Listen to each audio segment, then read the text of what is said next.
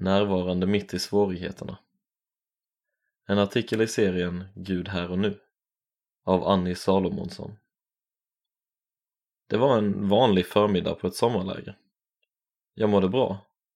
Men våren som ledde fram till den här stunden hade varit jobbig. Jag hade uppgifter att ta tag i denna förmiddag men valde att gå undan och ta lite oglamorös tid med Gud i en korridor först. Något började då spelas upp innanför mina ögon. Jag såg en Jesusfigur springa genom olika byggnader. Jag kände igen byggnaderna. Jag hade varit där under den gångna våren.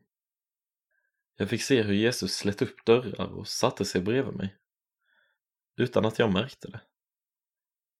Där och då insåg jag att han hade kommit varje gång jag i trötthet hade bett honom om det. Jag hörde sedan Gud säga, på ett väldigt kärleksfullt sätt, att han hade delat havet åt mig den våren. Som i Andra Mosebok 13.18. Det lät konstigt, med tanke på hur svårt det hade varit.